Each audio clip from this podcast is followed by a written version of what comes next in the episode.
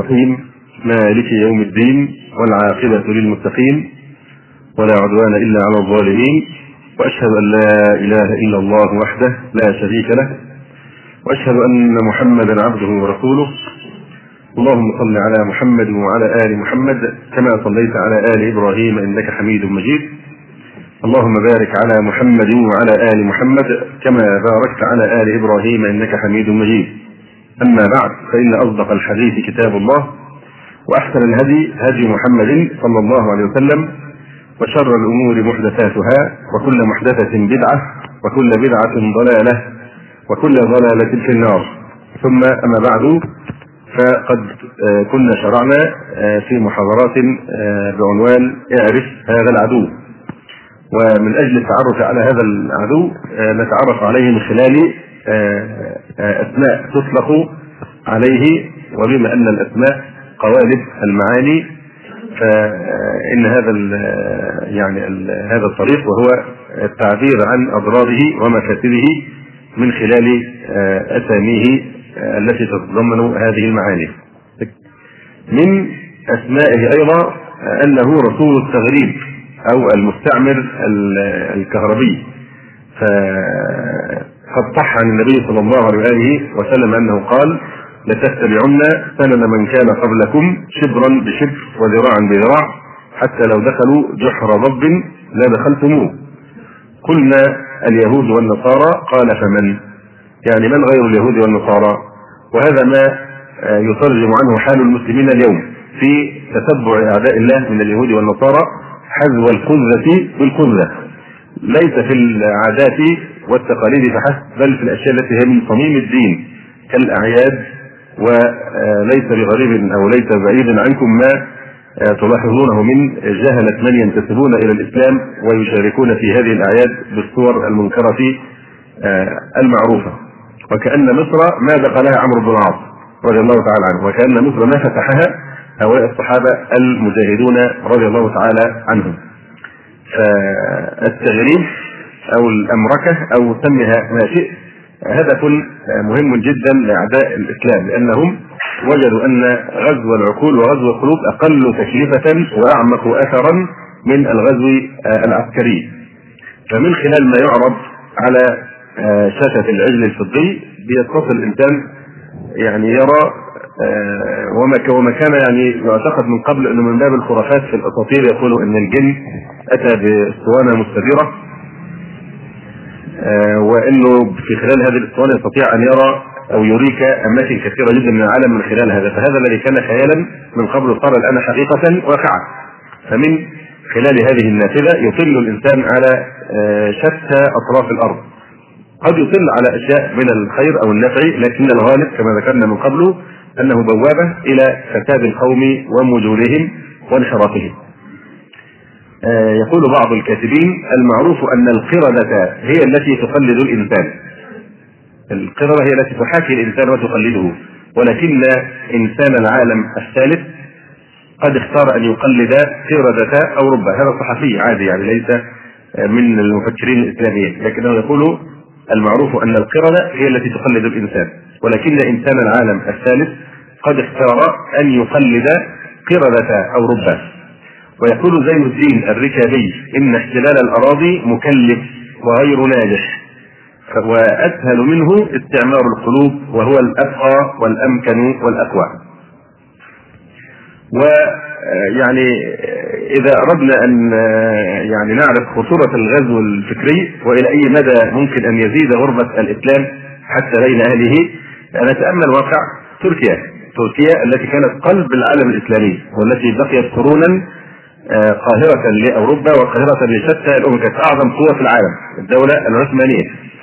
فكانت عاصمة الخلافة ثم لما حصل العلمنة والغزو الفكري الخبيث من الغرب وتمسحت تركيا تحت عتبات الغرب كي يرضى عنها الغرب ويدخلها في اتحادهم الأوروبي ومع ذلك باءوا بالسخطتين فلا عشيرتهم رضيت عنهم ولا أرضوا عنهم العداء فجامعوا سخطا إلى سخط ومما يعني يبني القلب ما قرأناه مؤخرا من أن نجم الدين أربكان زعيم حزب الرفاه الإسلامي الذي فاز أخيرا في الانتخابات البرلمانية هناك في تركيا.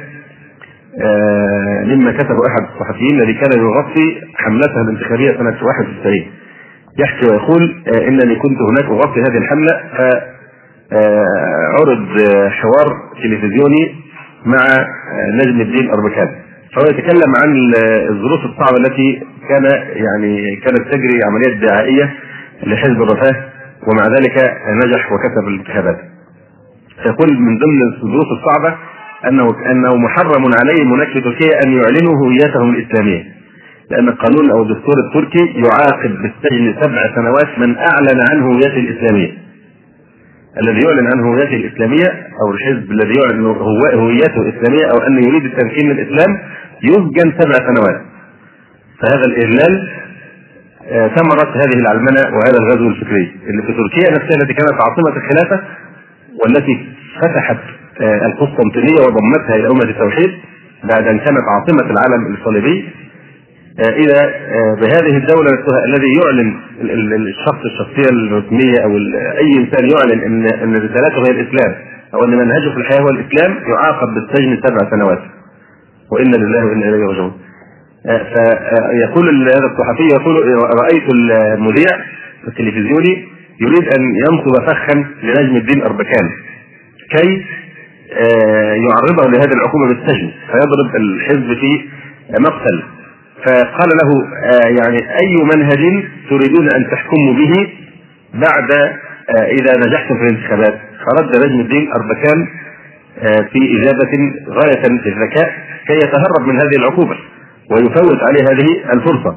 فحينما سأله ما المنهج الذي تنوي أن تحكم فيه تركيا إذا فزتم في الانتخابات فأجاب وقال نحن نريد المنهج نريد أن نحكم بالمنهج الذي حكمنا به يوم كنا سادة العالم أو يوم كنا نقود العالم ونقود الأمم. فأجاب إجابة يعني قوية وفي نفس الوقت لم ينطق بلفظة إسلامية ولم يقل منهج إسلامي لأن لو قال إسلامي يلزم سبع سنوات فكل هذا ثمرة ماذا؟ هل كان يتصور أحد أن من أبناء المسلمين ومن أم أبناء أمة التوحيد الذين يشهدون لله بالوحدانية ولمحمد صلى الله عليه وسلم بالرسالة أن يخرج من بينهم أمثال هذه المتوخ التي تنتسب إلى الأمة المحمدية زورا وبهتانا هذه الشخصيات العالمانية والملحدة التي وقفت حياتها على الصد عن سبيل الله تبارك وتعالى وقطع الطريق إلى الله عز وجل. لا شك أن التلفاز من أكبر المنابر التي من خلالها آه، يعني ينفذ رسول آه، التغريب. وظاهرة آه، الإخضاع عن طريق نشر ثقافة أجنبية أو ثقافة دخيلة أو مفاهيم مضادة لعقيدة أي أمة هذه كل العالم الآن تقريبا يشتكي منها. حتى إن وزيرة الثقافة اليونانية ميلينا ميركودي شكت من أن بلدها قد دهمته الثقافة الأمريكية. في بريطانيا يشتكون من نفس الشيء. الثقافة الأمريكية تغزوهم عن طريق البث المباشر. آه، في فرنسا نفس الشيء والآن يحاولون أن يتخذوا إجراءات للحد من ظاهرة البث المباشر لأنها تغيب ما يسمونه هم بالشخصية آه، القومية. وصرح وزير الثقافة الفرنسي في السد الامريكي الشعب الفرنسي إذا انتقل من الفرنسة إلى الامركه لن يخسر قليلا. لكن المسلمين إذا انتقلوا من الإسلام آه، إلى التبعية للغرب سيخسرون كل شيء. ولن يبقى لهم أي وزن. ولذلك قال وزير الثقافة الفرنسي آه، جاك لانك آه، حين شن حملة قاسية على القنوات التلفزيونية التجارية وقال إنها أصبحت صنادير تتدفق منها المسلسلات الأمريكية. صنادير تتدفق منها المسلسلات الأمريكية. وشكل رئيس وزراء كندا فيما قبل بيير ترودو آه، شكى من تأثير الثقافة الأمريكية على الشعب الكندي وصرح وزير خارجية كندا أيضا سنة 76 بأن برامج التلفزيون الأمريكي تدفع كندا نحو الكارثة الطريف في الأمر آه، أذكره يعني بالمناسبة أن في بعض الكتب قرأت أن أن الحكومة يعني بعض الجهات في أمريكا آه، أوقفت عرض أفلام مصرية خوفا على أخلاق الشباب الأمريكي. أي نعم طبعا أهمية موضوع البث المباشر والتلفزة وهذه الأشياء في تغيير المفاهيم و يعني اذلال الأمم وتدويرها يقول حيين يحيل وهو رئيس هيئة الاذاعه والتلفزيون الإسرائيلي فيما مضى الصهيوني يقول لقد تم إدخال التلفزيون إلى إسرائيل في موعد سابق على الموعد المحدد له أصلا من أجل مواجهة تدفق البرامج التي ترسلها المحطات العربية المجاورة. أيضا اليونسكو معروف اليونسكو هيئة استعمارية معادية للإسلام على كل خط ولهم طعون شديدة في الإسلام وفي القرآن وفي النبي صلى الله عليه وآله وسلم. في دراسة أصدرتها اليونسكو تقول إن إدخال وسائل اعلام جديدة وخاصة التلفزيون في المجتمعات التقليدية ادى أدى إلى زعزعة عادات ترجع إلى مئات السنين وممارسات حضارية كرسها الزمن. يعني بفضل التلفاز. استطاع أن نزعزع عادات لبعض الأمم بقي لها سنوات. طبعا مطلوب يعني مقصود من هذا أساسا امه الإسلام. العادات التي ترجع لمئات السنين مثل الحجاب مثل كذا وكذا من أمور يعني التي الأمور التي يختص بها المسلمون. لكن إدخال وسائل إعلام جديدة وخاصة التلفزيون في المجتمعات التقليدية أدى إلى زعزعة عادات ترجع إلى مئات السنين. وممارسات حضارية كرسها الزمن فهذا ما نلاحظه سواء في مجتمعاتنا أو غيرها من المجتمعات الإسلامية التي تخضع لمحاولة الغرب أن إيه أن يوظف البث المباشر بالذات الآن لتحقيق الهيمنة الإعلامية أو الاتصالية وهي أحد أبعاد الهيمنة الثقافية التي هي بدورها أحد مظاهر أو مداخل الهيمنة الشاملة على ما يسمى بالدول النامية. وإذا كنا يعني إذا كان الرسول عليه السلام قد قال كلمة ويل للعرب من شر قد اقترب. فإن كان في زمنه عليه الصلاة والسلام كان الشر قد اقترب فنحن الآن ولا شك من في في, في بالذات بعد البث المباشر والتلفزه وهذه الأشياء قد عانينا الشر ولمسناه بأيدينا ورأيناه بأعيننا. فالبث المباشر يعني هو أخطر من من الايد أخطر من الايد لأنه لا يعني لا يقتصر على الاحتراق السياسي وتحليل الأمور من خلال وجهة نظر معادية للإسلام لكنه يمتد إلى اختراق عقول الأمة نفسها. ثم يؤثر على ملايين البشر في كل أنحاء العالم في نفس اللحظة وبدون تكلفة تذكر. فالغربيون يحاولون تفريغ شباب المسلمين من إمكاناتهم وقدراتهم وطاقاتهم من خلال المخدرات ومن خلال الفواحش ومن إهدار القيم والسلوكيات من خلال البث المباشر. وكل ما قيل من قبل على التلفزيون ينسحب قطعا على البث المباشر بل هو أولى. لأنه معروف الآن معروف الان من الذي يستجلب الأصوات التي تنقل البث المباشر لا يمكن صاحب دين وورع يفعل مثل هذا. هذا ما يفعله إلا أهل الحلال. وكذاب من يدعي أنه يريد أن يصارع التقدم العلمي والتكنولوجيا أو يحسن اللغة أو غير ذلك من هذا الكلام الفاسد. بالعكس معروف أن الناس غير المحترمين هم الذين يستجلبون البث المباشر. ويستجلبون الأطباق الأطباق المعروفة هذه. أي نعم. مما يلفت النظر في عملية البث المباشر هذه التي تنقل إلينا صورا حية من المجتمعات يعني الغربية أن المبرمجون والمخرجون لا يكتفون باختلاق الحوادث أو اصطناع الشخصيات الخرافية بل يلتفتون إلى الحقيقة نفسها ويجردونها من واقعيتها. فينتقون في عملية انتقاء ينتقون ما يحلو لهم أن ينقلوه إلينا كي يجملوا صورتهم. ويسترون ما يعني وما يشينهم. فحين تعرض عليك الشاشة باريس مثلا أو لندن فإنها تغزوك عن قصد لماذا لا تنتقي من الصور أجمل أجمل المواقع وأكثرها جاذبية ونظاما وتألقا. فتثبت في مخيلتك أحسن الصور وأجملها عن هذه البلدة. حتى يعني كأنك تتخيلها وكأنها جنة وأن السعادة لا توجد بكاملها إلا هناك. فتغفو على أحلام وتستيقظ على أشواق آه لكن وهذا كله كما ذكرنا يعني محاولة لستر حقيقة المجتمع آه الغربي وإخفاء وجهه آه القبيح. فهم لا يأتون بالمخمورين ساقطين على جنبات الطريق في الوحش وفي الطين وتحت المطر يعني مخمورين من الخمر. العصابات التي تتدارك في الوجوه الغريبة عن البلد كي تقتنص ما تملكه بالحيلة أو بالإكراه الهيديون الذين يؤذونك برائحتهم التي لا تمثلها حتى يعني أخبث وأفظع الروائح إلى السلوك الشاذ إلى يعني جوانب كثيرة جدا مما يعني يزيف الصورة الحقيقية للمجتمعات الغربية في عيون المسلمين. فهو رسول للتغريب لكنه رسول غير صادق فيما ينقله من هذه الصور. فهمي هويدي وهو كاتب سياسي ذو شطحات فكرية معروفة لكن لا يخلو أحيانا من كلام يحسن نقله. يعبر عن إحنا نتكلم على بداية البث التلفزيوني لما دخل تونس. قال خرج الاستعمار الفرنسي من شوارع تونس سنة 56 ولكنه ولكنه رجع إليها عام 89 لم يرجع إلى الأسواق فقط ولكنه رجع ليشاركنا السكن في بيوتنا والخلوة في غرفنا والمبيت في أسرة نومنا. رجع ليقضي على الدين واللغة والأخلاق. كان يقيم بيننا بالكره. من قبل يعني الجيوش الفرنسية كانت تقيم بالإكراه. ولكنه رجع لنستقبله بالحب والترحاب.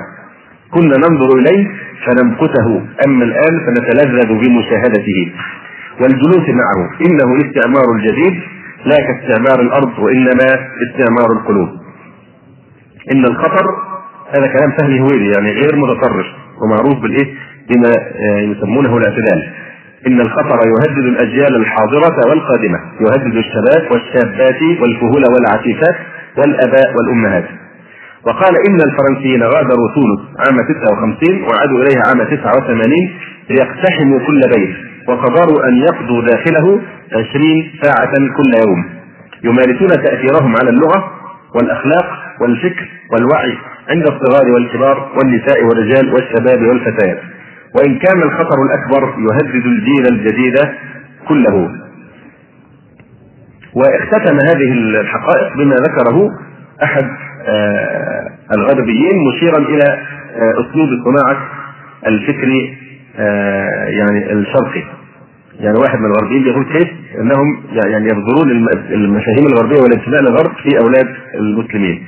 يقول كنا نحضر أوراد الأولاد الأشراف والاثرياء والسادة من أفريقيا وأسيا ونطوف بهم لبضعة أيام في أمستردام ولندن فتتغير مناهجهم. ويلتقطون بعض أنماط العلاقات الاجتماعية.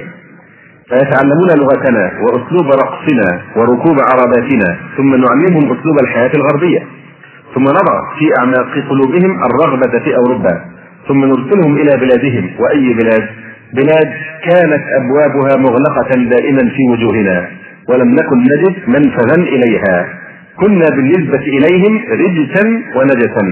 ولكن منذ أن صنعنا المفكرين ثم أرسلناهم إلى بلادهم. كنا نصيح في لندن وأمستردام وننادي بالإخاء البشري وكانوا يرددون ما نقوله. كنا حين نصمت يصمتون لأننا واثقون أنهم لا يملكون كلمة واحدة يقولونها غير ما وضعنا في أفواههم. غير ما وضعنا في أفواههم من الكلام الذي حفظوه فاذا كان هذا في يتعلق بالأسلوب القديم فيما مضى. فبلا شك الاسلوب الاحدث وهو انتقالهم عن طريق التلفزة والبث المباشر بلا شك انه يكون يعني اعمق اثرا واخطر.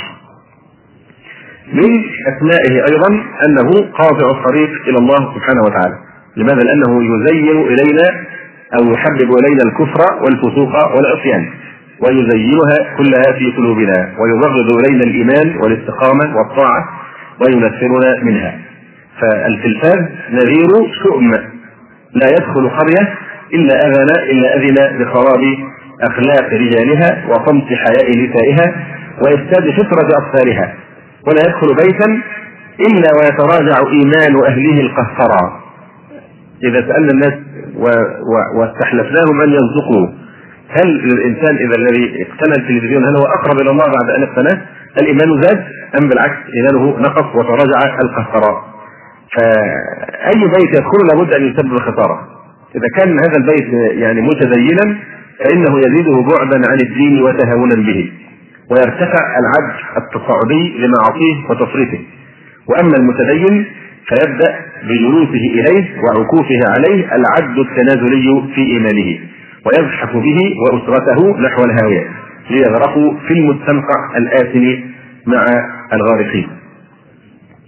لا شك أن من يعني أخطر مظاهر كونه قاطع الطريق إلى الله سبحانه وتعالى وتكلمنا من قبل عن هذا المعنى قاطع الطريق الذي يترصد في طريق السفر مثلا يختبئ وراء شجرة أو وراء أحجار حتى إذا ما أتى الفريسة التجار أو كذا أو كذا ينقض عليهم من حيث لا يرونهم من حيث لا يرونه فيستولي على ما معهم ويعيش فيهم فسادا. نفس هذا المعنى هذا الجهاز في الحقيقة هو قطع طريق إلى الله. الناس يمضون إلى الله سبحانه وتعالى. وآية ذلك تأملوا ما نحن مقبلون عليه الآن في رمضان.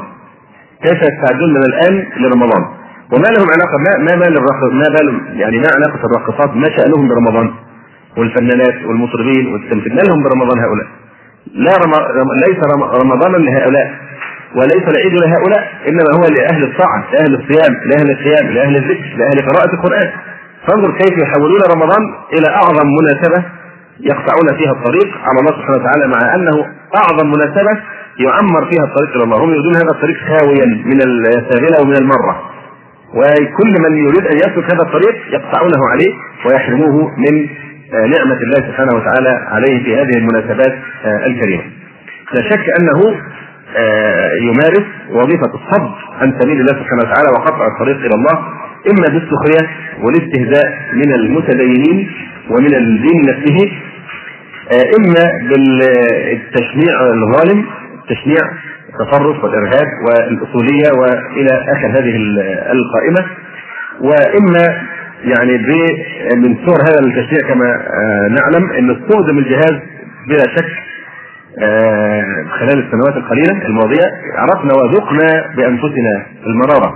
رأينا كيف فاسقا من الفاسقين أو ممثلا من الممثلين الذين الذين لا يعرفون الدين ولا الخلق ولا الحياء ولا الشرف ولا الغيره ولا ولا يعرفون يعني إلا الفساد كيف أن هذا الشخص يعني أو هؤلاء الناس أتوا في تمثيليات موجهة ومكتوبة سلفا لكي تحقق هدفا محددا هو تبغيض الناس في المتدينين. تنفيرهم من التدين ده يرتبط في أذهانهم بإيه؟ بالقضبان الحديدية.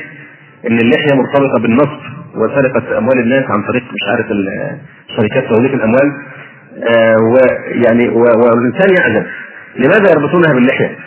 لماذا يربطونها باللحية وبالبزي معين وبهدي وسمت معين لماذا؟ من هو الهدف؟ هدف هؤلاء الذين يرفضون خلف هذه الشاشة ما الهدف الحقيقي؟ يعني إذا إذا لنفرض أن ملتحيا سرق إن ملتحي وملتحين سرق لنفرض أنه سرق فلماذا يعممون؟ لماذا يستعملون هذه الصورة لتعميم الحكم إن كل الملتحين آه، لصوص؟ طيب غير الملتحي إذا سرق لماذا لا تقولون كل الحالقين لصوص؟ لماذا لا نعمم؟ ما السر في تخصيص هذه الصورة والتركيز على يعني صورة المتدينين من لماذا؟ لأجل تعميم هذه الأخطاء الفردية حتى بفرض يعني آه وقوعها، كذلك ربط المظاهر التدين بالإيه؟ بالجرائم وبالنصب. النقاب الذي يمنع ويحارب. حربا كأن النقاب يعني هذا يعني أعداء أعداء الأمة. حرب ضروس وضرية في كل موقع وبغض عجيب جدا لهذا المسلك. طيب هل يوجه عشر عشر عشر عشر معشار ما يوجه لحرب المنقبات واضطهادهن سواء في المدارس أو في الكليات أو في أي مكان؟ هل يوجه إلى هؤلاء الراقصات العاريات التي ياتين في التلفاز في التلفاز؟ هل يوجه إلى أعداء الله سبحانه وتعالى وأعداء المسلمين في كل موقع لماذا يختص هؤلاء المتدينون بالذات لماذا الإرهاب الناس وتخويف الناس؟ آه، أن الذي يتدين سيحصل له هكذا سيفصل من عمله سيضطهد آه، سيذوق يعني هذه آه، الويلات. والمشكلة إن الناس بسذاجتها تصدق بيصدقوا تصل لمرحلة من السذاجه كما ذكر أحد إخواننا الأسبوع الماضي إنه قد يصل إن هو يبكي من شدة التأثر. من شدة التأثر يبكي على هذا الوهم والخيال الذي يراه على هذه الشاشة. خيال ووهم وكذب. واضح. ف يعني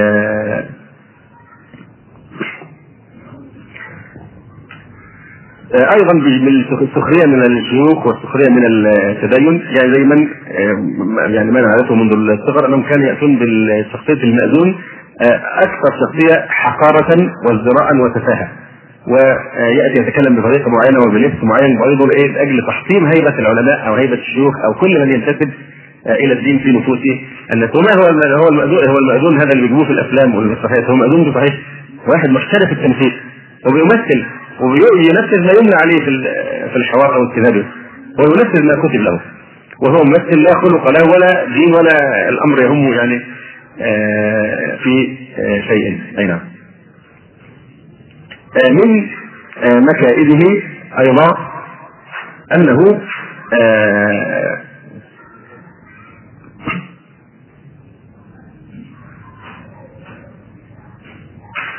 أنه يستعمل للترويج لمبادئ خبيثة أو أفكار مضادة للدين الإسلامي. يعني سواء فكرة تحديد النسل بالمفهوم الكنسي المقيت والدعاية المباشرة وغير المباشرة لهذا المبدأ الكنسي، هذا مبدأ كنسي مقيت.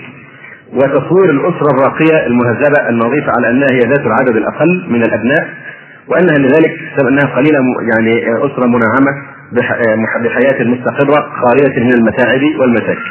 تحظى بمستوى معيشي رفيع ومستوى تعليمي راق وتربوي رفيع وإظهار الأسر الكثيرة العدد على أنها هي المتدنية اجتماعيا واقتصاديا وصحيا وثقافيا وتعليميا وتربويا. وأنهم آه، هم الفئة الفقيرة الجاهلة الصاخبة ذات المشكلات المعقدة والضوضاء والضجيج وهذا خداع آه، مكشوف. يعني كل الأمم تسعى لتكسير نسلها حتى يعني على رأسهم اصابه اليهود في آه، في فلسطين وفي بعض الدول الأوروبية مثلا كألمانيا أو غيرها الذي كلما ينجب مولودا أكبر أكثر كلما يعطى إعانات كثيرة جدا لتشجيعهم على يعني كثرة النسل وبلا شك يعني هذا هدف يعني استعماري نقيس كما بينا. من أسمائه أيضا أنه منبر الدعاة إلى جهنم. فالتلفاز هو أعلى منبر يتبوأه أولئك الدعاة الذين أخبر آه، رسول الله صلى الله عليه وسلم بظهورهم وقت الفتن. فقال عليه الصلاة والسلام في حديث حذيفة دعاة على أبواب جهنم من أجابهم إليها قذفوه فيها. من أجابهم إليها قذفوه فيها. ف يعني آه، وصفهم النبي صلى الله عليه وسلم بأنهم من جلدتنا ويتكلمون بألسنتنا. فهؤلاء هم دعاة الشر الذين قال فيهم الله سبحانه وتعالى وجعلناهم أئمة يدعون إلى النار. الدعاء إلى جهنم الدعاء إلى النار. يريدون أن يهلكوا الناس ويعني آه، يردوهم. وقال تبارك وتعالى أولئك يدعون إلى النار والله يدعو إلى الجنة والمغفرة بإذنه. ف آه، يعني من أجابهم إليها؟ من الذي يجيبهم إليها؟ الذي يجيبهم إليها الذي يعرض عقله وقلبه لغزوهم وأفكارهم. فيقبل هذا الغزو ويستحسن ما يقدمونه إليه ويرحب بأن يقطعوا طريقه إلى الله سبحانه وتعالى، والله عز وجل حذرنا من هذا فقال عز وجل إن الساعة آتية أكاد اخفيها لتجزى كل نفس بما تسعى فلا يصدنك عنها من لا يؤمن بها. واتبع هواه فتردى. هم الدعاء إلى جهنم. وقال عز وجل ولا تطع من أغفلنا قلبه عن ذكرنا. واتبع هواه وكان أمره فرطا الطاعه لمن؟ الطاعه لله ولرسوله وللعلماء وللصالحين. هذه الطاعه التي أما آه، أن تطيع هذا الإمام أو تطيع الممثل الفلاني أو المفكر العلماني. آه، هذا كله داخل في قوله تعالى ولا تطع من أغفلنا قلبه عن ذكرنا واتبع هواه وكان أمره فرطا. وهم على أنواع. منهم الذين يهتمون بإثارة الشكوك والشبهات. آه وهم الذين أشار إليهم النبي صلى الله عليه وسلم حين خط خطا ثم خط من جانبيه آه، خطوطا متعرجه منحويه فقال هذا سبيل الله وأما الخطوط المتعرجة فهذه السبل على رأس كل منها شيطان يدعو إليه. على رأس كل سبل منها شيطان وزعيم وداعية من دعاه النار يدعون آه إليه. فيدخل فيهم كل ما آه، يعني في الدعاء إلى جهنم هؤلاء الذين يعتمدون يركزون على جانب الشبهات التشويش على عقيدة الناس وافسادها سواء كان يعني تدمير مثلا آه، مفاهيم الولاء والبراء عند المسلمين سواء بالتنصير الدعوة إلى النصرانية والتبشير بشتى الصور. وقد جاء في بعض الكتب أن الفاتيكان كتاب مطبوع من مدة يعني لعله الآن قد يكون وقع يستعد الفاتيكان لبناء محطة تلفزيونية كبيرة للبث في كافة أنحاء العالم. للتبشير بتعاليم الإنجيل بواسطه ثلاثة أقمار طبيعية تسمى بمشروع نومين 2000 مع العلم أن القمر الواحد وهي ثلاث أقمار. القمر الواحد يغطي ثلث مساحة الكرة الأرضية. فهل آه هذا العدد الهائل من المسلمين وهذا الكم الكبير من الدولة الإسلامية أو الشعوب الإسلامية ما فيش دولة إسلامية؟ هل فيهم دولة واحدة تستطيع أن توظف مثل هذه الأجهزة كالبث المباشر للدعوه للإسلام والدعوة للتوحيد؟ آه نحن ما نريد منهم أن ينفعونا نريد أن يكفوا شرهم عن الإسلام. أي نعم. آه منهم الذين يعني يشجعون مبدأ تحرير المرأة من عبوديتها لله سبحانه وتعالى والدعوة إلى تمردها على دينها وعلى ربها سبحانه وتعالى يعني كل همهم إخراج العباد من عبادة الله إلى عبادة آه، العباد. ومن عدل الإسلام إلى دور المذاهب والأديان ومن سعة الدنيا والآخرة إلى ضيق الدنيا. منهم أيضا عباد الشهوات الذين يزينونها للناس ويغرونهم بها. قال تبارك وتعالى يريد الله ليبين لكم ويهديكم سنن الذين من قبلكم ويتوب عليكم والله غفور رحيم. ويريد الله والله يريد أن يتوب عليكم ويريد الذين يتبعون الشهوات أن تميلوا ميلا عظيما. يريد الله أن يخفف عنكم وخلق الإنسان ضعيفا.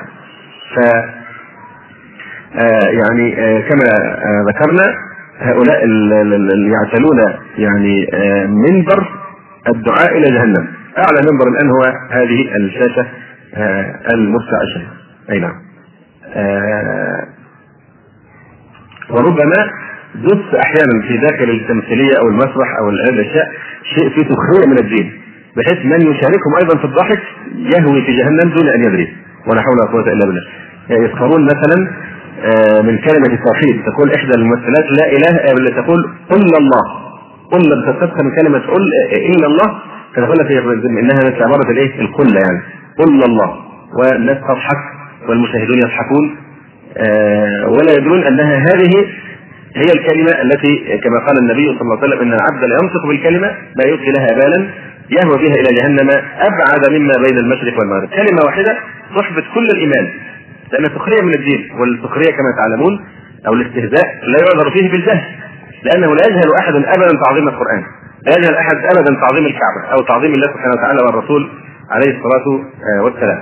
فمثلا سمعنا منذ فترة عن هذه الراقصه التي صعدت فوق مجسم للكعبة المشرفة ورقصت عليه بصورة واضحه ثم إذا بهذه الكعبة تتحول إلى برميل بترول. المقصود واضح والرسالة آه، يعني آه، واضحة فالمخالب اليهودية ومن وراءها يريدون أن يفترسوا العقل المسلم وأن يمسخوه ويسخروا منه بطريقة مباشرة أو غير آه، مباشرة. فنحن نستغرب في الحقيقة أين وقاحتهم وجرأتهم على إهانة الإسلام ورموز الإسلام من جبنهم الواضح ونفاقهم الفاضح أمام أهل الأديان آه، الأخرى التي لا يجرؤون على المساس بها. هل عمر أحد سمع أن جاء في التلفزيون سخرية زي ما من المأذون الذي يمثل الإسلام مثلا في نظر الناس؟ بزيه. هل ان ان إن حصل مرة واحدة بس فقط؟ إن حصل سخرية لقسيس بنفس هذه الصورة؟ أو حاخام ما أظن هذا ممكن يقع ولا نتصور أن يقع. فلماذا الجرأة على آه، رموز ديننا ونحن آه، أصحاب هذا هذه الأمة وهذه بلادنا وهذه آه، خيراتنا وهذه عقيدتنا وديننا فكيف يعني يجرون على المساس بملة وعقيده ورموز 60 مليون من المسلمين في حين لا يجرؤ واحد ابدا منهم أن يسخر من الحرام أو الخسيس ولا حتى الكاهن البوذي أو عابد النار الهندوسي بنفس السخرية التي تحصل والإستهزاء من شعائر دين الله تبارك وتعالى. آه، وفي حمأة الشنآن والكراهية للإسلام يجرمهم حقدهم على ألا يعدلوا فيظهرونه يعني عدوا للبشر عامة وللمرأة خاصة. إن الإسلام أصبح الآن هو التطرف الإسلام هو الإرهاب.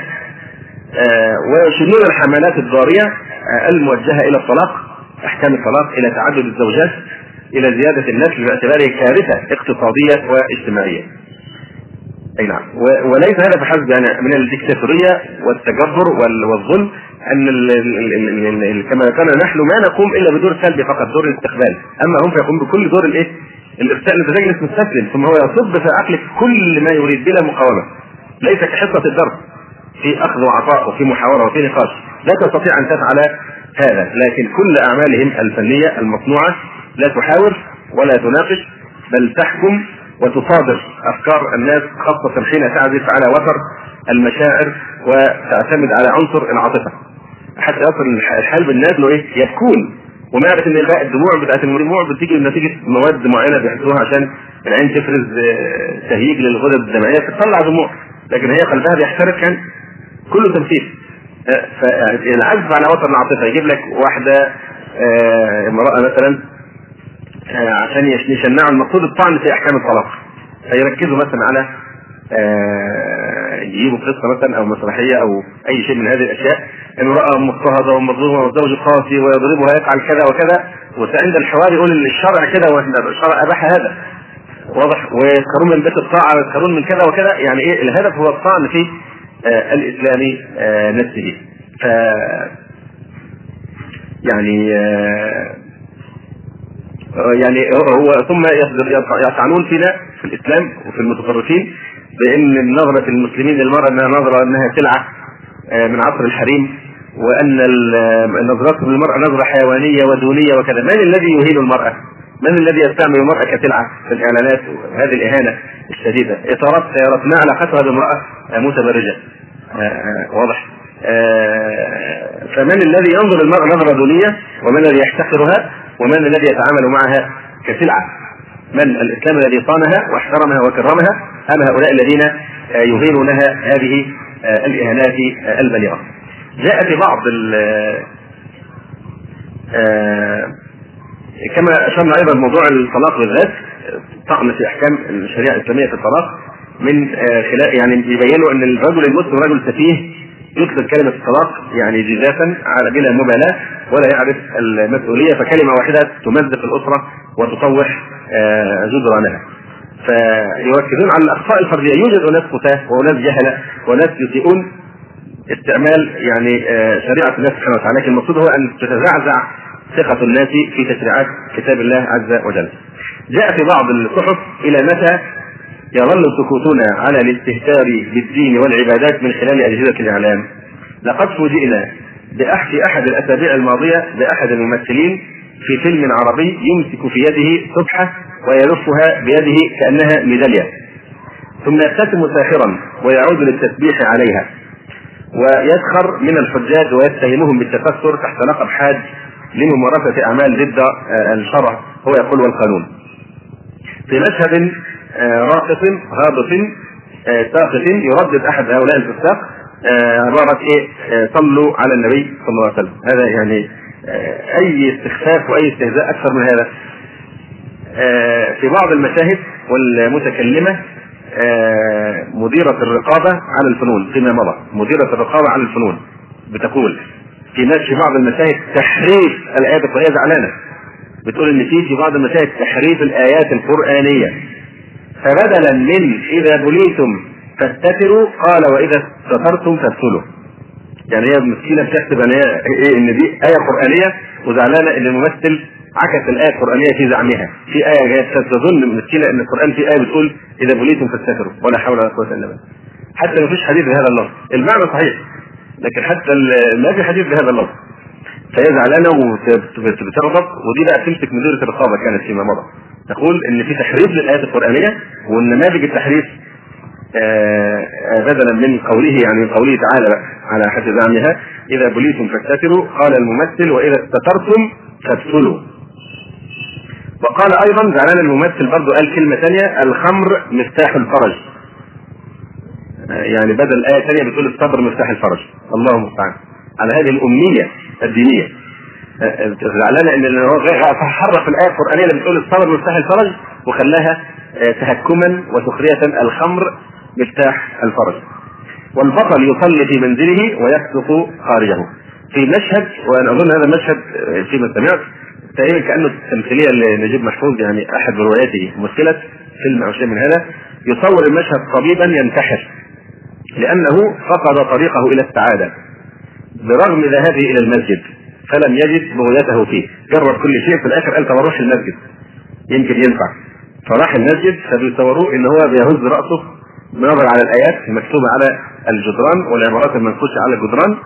فعمل آه، براسه هكذا يعني إن برضه القرآن مفيش حل بالنسبة لمشاكلي فذهب بعد ذلك انتحر لأن شاف ما رأى أن في القرآن سبيلا إلى السعادة والعياذ بالله. كذب طبعا كله تمثيل وكله تأليف آه، من يعني مخيلتهم. لكن الشاهد آه، أنه هل ينكر علينا بعد ذلك أحد حينما نقول إنه منبر الدعاء إلى جهنم؟ كل من أراد أن يدعو إلى جهنم فإنه يعتلي هذا المنبر كي يكتسب المزيد من الضحايا.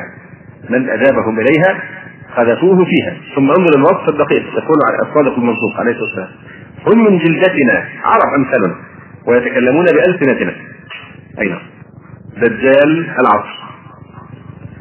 فهناك أوجه شبه بين الدجال الأعور آه، الكذاب الذي أخبرنا به رسول الله صلى الله عليه وسلم وبين دجال العصر فإنه يجوب الأرض. الدجال يقطع الأرض كلها في سرعة عجيبة. نفس الشيء الدجال التلفزيوني يعني يعني يجوب كل في كل أقطار الأرض في لحظة واحدة. يجوب الأرض وينفذ إلى داخل البيوت في طرفة عين. ويتنادى من خلاله أهل الفسق من كل أقطارها بالإثم والعدوان. إنه الجهاد الكذاب الذي يكذب الكذبة فتبلغ الآفاق. ومن خلال هيمنة التلفاز على العقل الواعي يصدق الناس كل ما آه، يرونه. يكذب الكذبة تحمل إلى يعني آه، الآثار هناك رجل يدعى دكتور ماركوس ويبلين. واحد ممثل يعني. كان يظهر على الشاشة على أنه طبيب. تلقى ما يزيد على 250 ألف رسالة يعني ربع مليون رسالة آه، تطلب يطلب منه فيه فيها أصحابها معونته واستشارته الطبية لأن المشاهدين صدقوا أنه طبيب معالج. فالناس اللي تزعج هؤلاء عامة الناس تتصور إن اللي بيراه هذا حقيقة مش آه مش تمثيل.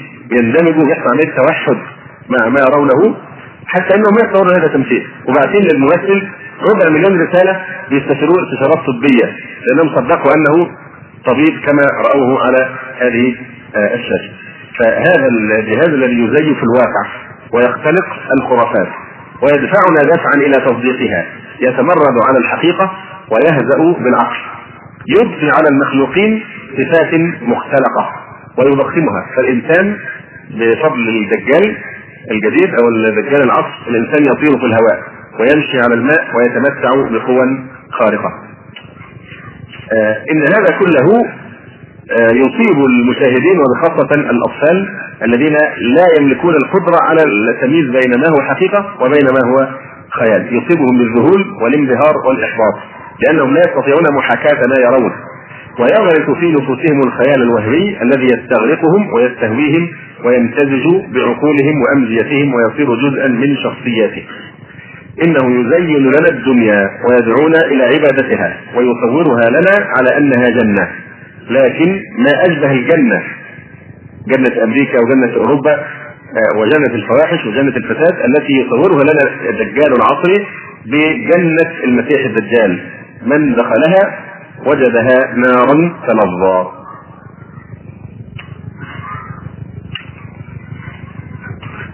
من دجله أنه يزور آه، الحقائق يزور التاريخ الإسلامي يشوه رموزه يهدم أعمدته ولا يستثني من ذلك الصحابة رضي الله عنهم ولا التابعين لهم بإحسان.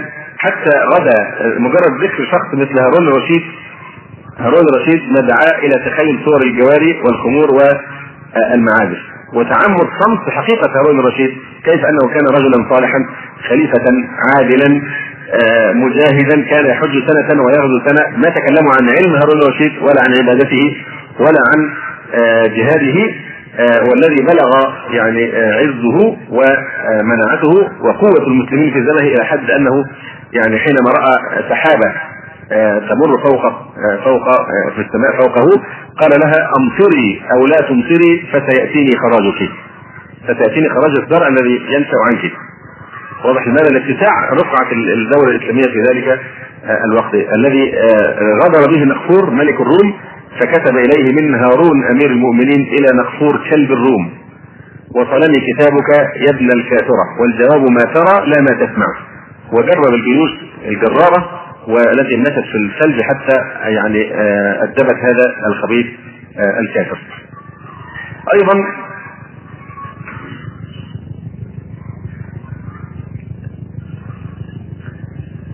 يعني ال ال يعني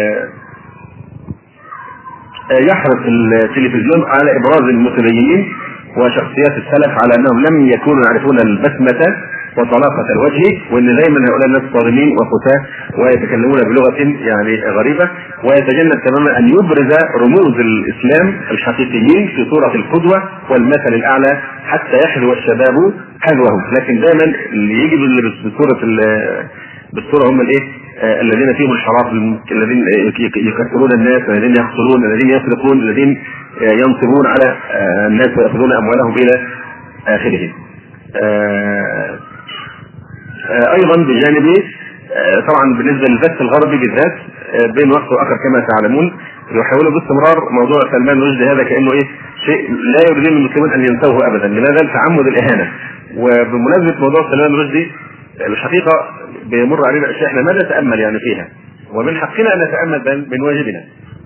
آه، أيضا بجانب آه، طبعا بالنسبة للبث الغربي بالذات آه، بين وقت وآخر كما تعلمون يحاولوا باستمرار موضوع سلمان رشدي هذا كأنه إيه شيء لا يريدون المسلمون أن ينسوه ابدا. لماذا؟ تعمد الإهانة. وبمناسبة موضوع سلمان رشدي الحقيقة بيمر علينا أشياء إحنا ما نتأمل يعني فيها. ومن حقنا أن نتأمل من واجبنا. العائلة المالكة في بريطانيا. اللي هي في كل سنة بتكون سنة يعني شؤم عليهم. آه والفضائح طبعا في العائلة المالكة في بريطانيا آه قد ملأت الأسماع في العالم كله. واضح. وآخرها ما التصريحات الاميرتهم هذه آه كلام ما يليق أن نذكره في هذا المسجد في أعلى المنابر على منبر الدجال العصر. ومنبر الدعاء إلى جهنم تكلمت بكلام معروف يعني ما فهل سالنا أنفسنا لماذا ما لماذا يقع كل هذا؟ ولماذا العائله المالكه بالذات في بريطانيا؟ لماذا؟ لانهم هم الذين حموا سلمان رشدي الكذاب الدجال الذي يعني اساء إلى النبي عليه الصلاة والسلام أشرف خلق الله عليه الصلاة والسلام اساء إلى أمهات المؤمنين اساء إلى جبريل اساء إلى الأنبياء عليهم السلام فهذه من هذا بعض جزائهم الذي ينتظرهم أن الله سبحانه وتعالى يفضحهم على رؤوس الاشهاد وليس بالإشاعات لكن بالحقيقة. وتأتي الملكة في السنة الماضية أو اللي قبلها وتقول هذا أسود سنة مرت على العائله المالكه كلها. ولنا حتى الناس تشمت فيها قعدت تبرر بأنها تقول كل عائلة بيحصل فيها مشاكل ونحن لسنا وحدنا الذين نعاني. وذلك بعد أن زكمت روائح فضائحهم الأنوف. هذه السنة أيضا ابتلوا بنفس الشيء وسلط الله عليهم واحدة من العائلة الملائكة كي تفضحهم على رؤوس الأشهاد، لماذا؟ لأنهم تطاولوا على مقام رسول الله عليه الصلاة والسلام وما ينتظرون بإذن الله سيكون أشد وأنكى وأخزى لأعداء الله تبارك وتعالى. فطال الأمر أم قصر فالله سبحانه وتعالى رشدي ومن وراءه بالمرصاد. الحقيقة يذكرني هذا آه، بحادثة قرأتها هي منقولة عن كتاب الدرر الكاملة للحافظ ابن حجر العسقلاني رحمه الله تعالى.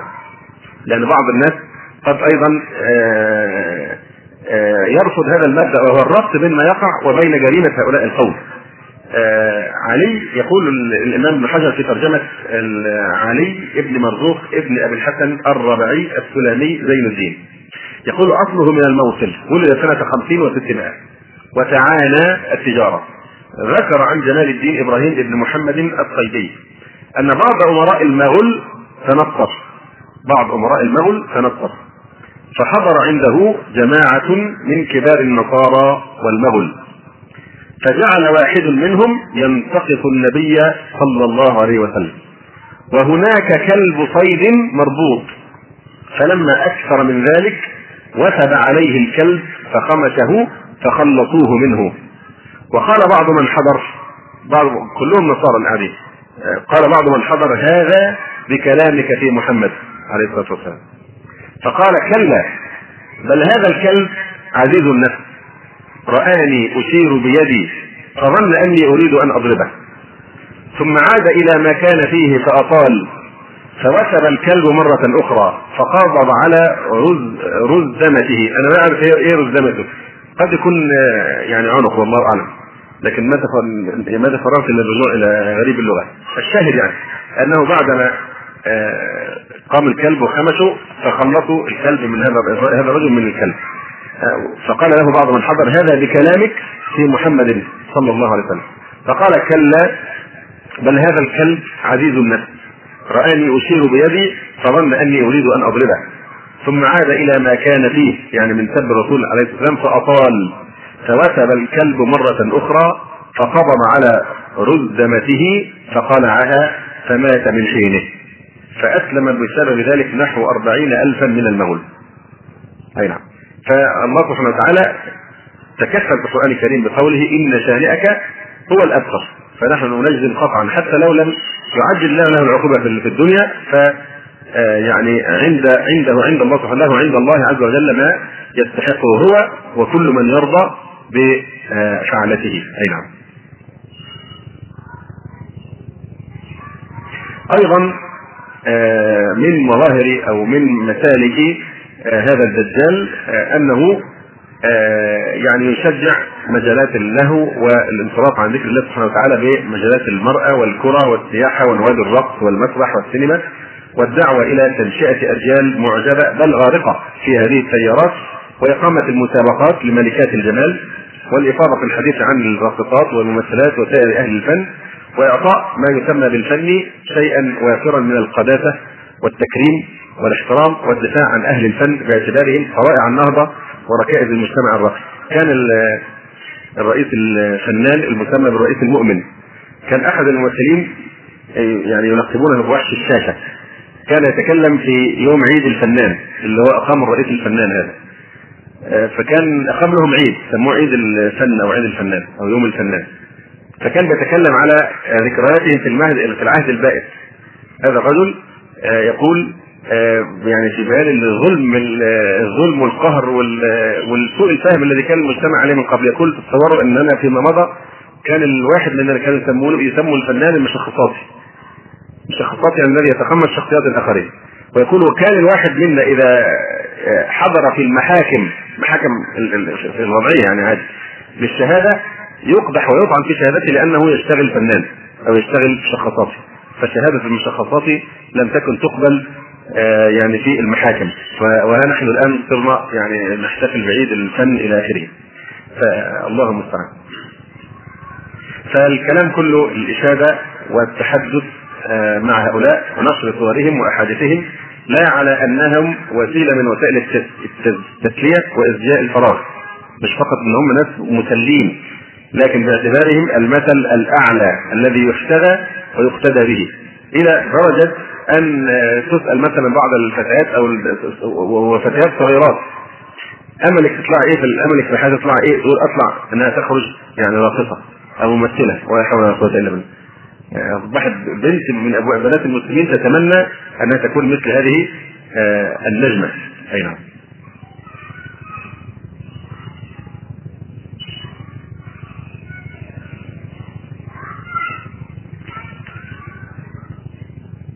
أيضا من آه، يعني من أسمائه غافل المخ. غافل المخ. فالمتأمل الواعي لما يدور على الشاشة الصغيرة الآثرة يدرك بلا ريب أن البرامج البرامج جميعها منذ الافتتاح وحتى الختام تعمل جاهزة متعاضده على أهداف تبدو فرعية ولكنها ترى عند تحليلها ملتقية عند هدف رئيسي واحد ثم لو أراد مخطط البرامج المشرفون عليها أن تنتشر بين الناس عادة من العادات أو تتأصل فيهم فكرة من الأفكار في أعلى الدرجات أو أسلوب في الكلام والزينة في أدناها لوجدنا أن البرامج تلاحمت في جهد مشترك للوصول إلى الغاية المحددة سيئة كانت أو حسنة ودسا للسم آه، في الدسم. آه،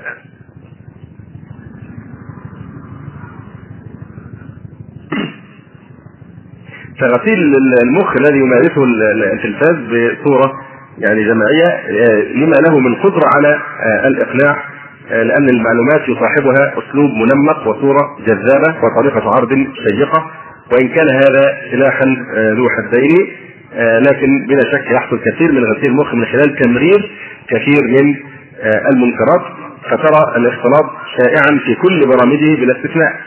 والحجاب الشرعي غائب عن العورات في كل فقراته بلا استثناء. والمعازف والموسيقى تنبعث منه منذ بداية الإرسال إلى آه، نهايته. وصارت هذه أشياء أشياء آه، لدرجة تستغرب. ليه بتتكلموا عن التلفزيون هكذا في إيه التلفزيون؟ آه، لأن اصبحت الحاجات دي تطبيع تطبيع مع الفساد وتطبيع مع المعاصي. وحتى بعض الملتزمين يقول طب أنا الأخبار؟ يعني هي نشره الأخبار ليس فيها موسيقى ليس فيها امرأة متمريه آه، لا تتصادم أحيانا مواعيد الصلاة وهكذا. فاصبحت حصل عملية التطبيع والتعايش السلمي مع المنكرات. فعادي جدا المرأة متبرجه هذه مش مشكلة. عادي جدا أن يكون هناك موسيقى وغير آه، ذلك. أي نعم.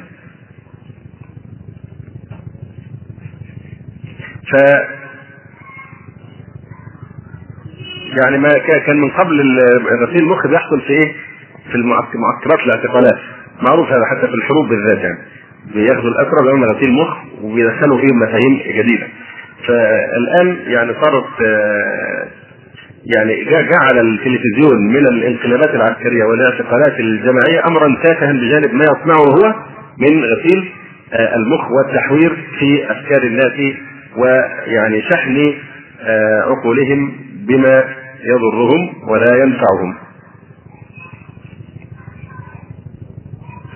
آه، أيضا تكلم بعض الباحثين في أن التلفزيون بيمارس أيضا يعني نوع من التنويم المغناطيسي قد يكون أقوى من التنويم المغناطيسي الحقيقي فيقول إن الصور التلفزيونية تتحرك بطريقة أسرع من أن يتداركها المشاهد بصورة كلية ولذلك فهو يلحق بها داخل عقله ولا يترك له مجالا لمناقشة المعلومات المرة على الشاشة.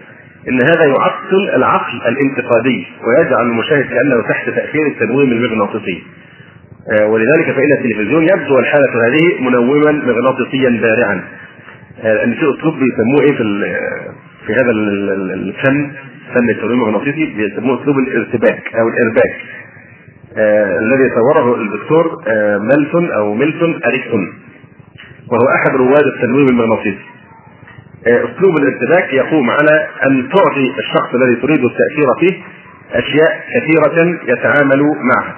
تشغله بحاجات كثير جدا في نفس الوقت لدرجة أنك لا تعطيه فرصة لعمل أي شيء في حين إنك تطلب منه أن يفعل كل هذه الأشياء آه، التي تكلفه بها.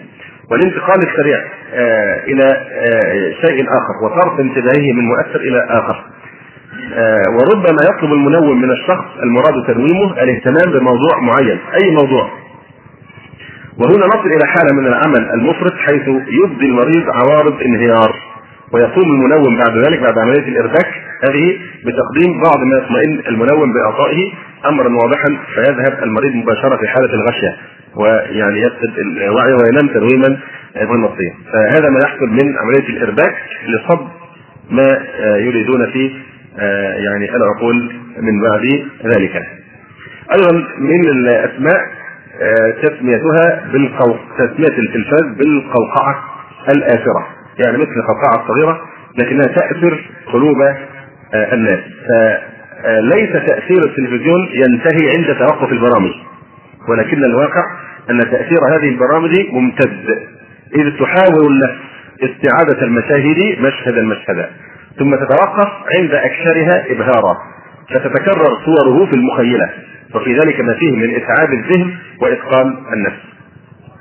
لكن ما تكلفه المسلسلات التلفزيونية يفوق التقدير كثيرا. فقد عمد المخرجون إلى التوقف المفتعل عند بداية حدث ما دون إتمامه. تعرفون كيف ينهون التمثيليات؟ يعني يأتي عند لحظة معينة ويحصل توقف مفاجئ بعد ما يعني إيه يشحن كل اهتمامك ويجذب كل عناصر الانتباه فيك لماذا تحدث هذا الموقف؟ أحيانا يقطع ويكون المسلسل بعد ذلك إيه؟ آه يعني في اليوم التالي أو آه وأنا أعرف زيجات زيكات عطلت بسبب المسلسل حتى إن بعض الفتيات تقول إلا مسلسل الساعة 8 ولا, ولا تمضي الزيجه بسبب المسلسل أو بسبب هذه الأشياء. يعني شغلت في حياة الناس مع إن لو افترضنا إن مسلسل معين هي مشغولة به هي هتقعد شهر وتخلص على أقصى حد. لكن دي مبدأ المسلسل مبدأ مسلسل الساعة 8 الساعة 8 دي كانت ساعة مقدسة في الريف المصري بالذات. لماذا؟ آه كان زمان أول ما القران أول ما الإذاعة بدأت كان الناس في الريف الساعة 8 هذا القرآن ميعاد ميعاد القرآن موعد مقدس. والناس يجتمعون لينصتوا إلى القرآن الكريم في هذه الإيه؟ النصف ساعة المعروفة المشهورة. ما أدري الجيل الجديد الحالي ما يعرفش كيف الساعة 8 دي. خلاص؟ آه. خير. فالشاهد يعني إن حل محلها في نفس الموعد الذي كان يستحوذ ويستقطب اهتمام الناس بالقرآن إلى آه، هذه التمثيليات. أي نعم. آه، يقول آه، وذلك فقد عمد المخرجون إلى التوقف المفتعل عند بداية حديث ما دون إتمامه. وذلك بالتوقف الفجائي مما يثير في النفس ضيقا والما وحسرة. وقد يذهب المشاهد إلى عمله عقب هذه الحلقة أو إلى نومه ولكن الصورة الأخيرة منها ما تزال تلح إذ تقرع سمعه وتهز كيانه. فهي ما تزال في المخيلة أمام العين. وتود النفس لو عرفت النهاية. بل إنها لتحاول صنع هذه النهاية في داخلها غير أنها لا توفق لذلك. تماما كالذي كان يفعله قارئ قصة عنترة في ليالي الشتاء الباردة حين كان يجلس العناترة متحلقين حول الراوي الذي يهد ويقد ويسكل شاربيه وكأنه فعلا عنترة. فإذا ما وصلت القراءة إلى مأزق يقع فيه عنترة توقف الراوي عنده. المسلسل بيقف. كان زمان دي طريقة يعني بتاعت الجماعة الفقهية ابو الهلالي وعنترة بن شداد وهذه الأشياء. فيحكي لهم المواويل بطريقة معينة ويقتل شاربه كان هو اللي بيمثل دور عنتره فيجي عند موقف معين ويتوقف. حتى يضمن الزباين ثاني يوم يحضر. آه، فإذا ما وصلت القراءة إلى مأزق يقع فيه عنتره توقف الراوي عنده. فيصيح العناترة الآخرون هائجين مائجين طالبين منه تخليص عنتره من مأزقه. ولكن الراوي لا يستجيب فالوقت المخصص قد انتهى. ولا بد من الانتظار لليوم التالي ليفتح الملف من جديد. فإذا ما انتهى الشتاء بأمطاره وزمهريره انتهت قصة عنترة واكتمل معها فتل السوارد ولكن ماذا يعني هذا التوقف المفاجئ للرواية وما هي آثاره؟ سيعيش هؤلاء المساكين هؤلاء المساكين الساعات التي تسبق استئناف القصة على أحر من الجمر. ويتمنون لو تسارعت الساعات وتوي الزمن وانتصب الراوي. ولسان حالهم يقول تطول بي الساعات وهي قصيرة وفي كل شيء لا يسرك طول. وليس مشاهد التلفزيون بأفضل حالا من هؤلاء بل قد يزيد لهم تأثرا. فللشاشة سحرها وللعبة التلفزيونية آه، آه، واللعبة التلفزيونية تبدو في القمة أمام بدائية الراوي. وقلة أدواته التي لا تتعدى أحيانا القصة المكتوبة والسيف المطلق والشارب المفتوح هذه كل أدوات التمثيل عند الراجل بتاع عنترة وأبو زيد. قصة بيراها وشارب يحكي له كل شوية في أثناء الحوادث وسيف يمسك به. وإذا كانت القصة آثرة من عنتريين فإن التلفزيون أشد أسرع وأمضى سيفا وأمتن حبلا. فبعد توقف الحلقة وفي اللحظة الحرجة يحيا المرء ساعته ساعته مرتبكا شارد الذهن كلما خلا بنفسه. خائفا من أن تفوته متابعة الحلقة الجديدة. يخشى أن تبغته مهمة أو يصرفه أمر أو يشغله أب أو أم أو زوجة أو صديق عن المتابعة إذ يكفيه ما عاناه في ليله ونهاره وما كابده من الأشواق. وكلما اقترب الموعد ازداد القلق واشتدت المخاوف فقد اقترب موعد الجرعة التالية. أن هذا إدمان. اقترب موعد الجرعة التالية التي يحلو خبرها عند المشاهدة ويعاني من آثارها بعد الانتهاء من تعاطيها. من آه، خصائصه أيضا أنه يطفئ نور القلب نور الإيمان في القلب ونور الطاعة فإن هذا الجهاز يطفئ نور القلب أن هذا الجهاز مضاد للتقوى والتقوى هي التي تنير القلب إن تتقوا الله يجعل لكم فرقانا نورا تفرقون به بين الحق والباطل. فكلما أمعن الإنسان في الانقياد لهذا الجهاز نتيجة طبيعية ولا يستطيع أن يماري في هذا إلا مكابر معاند. كلما انطفأ نور آه، قلبه وخبأ أي نعم. وقد آه، تكلمنا مرارا على آه، قول النبي صلى الله عليه وسلم تعرض الفتن على القلوب. الإنسان كل ما يسمع كلمة تعرض الفتن يتفكر يتفكر العرض التلفزيوني. تعرض الفتن على القلوب كعرض الحصير عودا عودا. فأي قلب أشربها قبلها وأحبها نكتت فيه نكتة سوداء. وأي قلب أنكرها نكتت فيه نكتة بيضاء حتى تعود القلوب على قلبين قلب أسود مرتدا كالكود مجخيا لا يعرف معروفا ولا ينكر منكرا إلا ما أشرب من هواه. الحاكم يكون الهوى الذي أشربه من العز الفضي. وقلب أبيض فلا تكاد تضره فتنة ما دامت السماوات والأرض.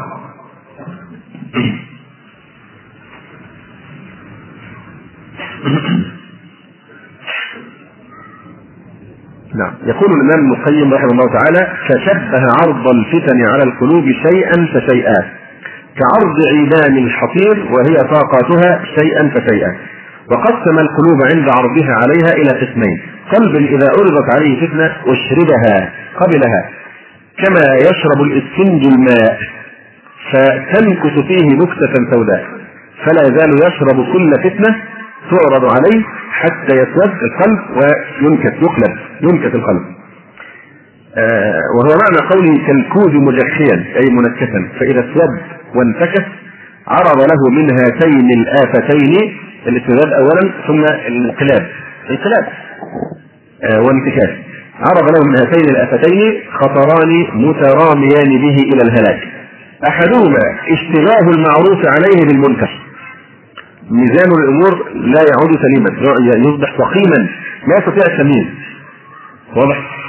فلا يعرف معروفا ولا ينكر منكرا. وربما استحكم عليه هذا المرض حتى يعتقد المعروف منكرا والمنكر معروفا والسنة بدعة والبدعة سنة والحق باطلا والباطل حقا. زين لهم سوء أعمالهم أن الهوى هو الحاكم. والثانية الآفة الثانية بعد الآفة الأولى هي الاشتباه المعروف بالمنكر والانقلاب تحكيم هواه على ما جاء به رسول الله صلى الله عليه وسلم. وانقياده للهوى واتباعه له. وهذا القلب الأول وقلب أبيض قد أشرق فيه نور الإيمان وأزهر مصباحه فإذا عرضت عليه الفتنة أنكرها وردها فازداد نوره وإشراقه وقوته. والفتن التي تعرض على القلوب هي أسباب مرضها وهي فتن الشهوات وفتن الشبهات وفتن الغي والضلال وفتن المعاصي والبدع. أي نعم فالقلوب نوعان.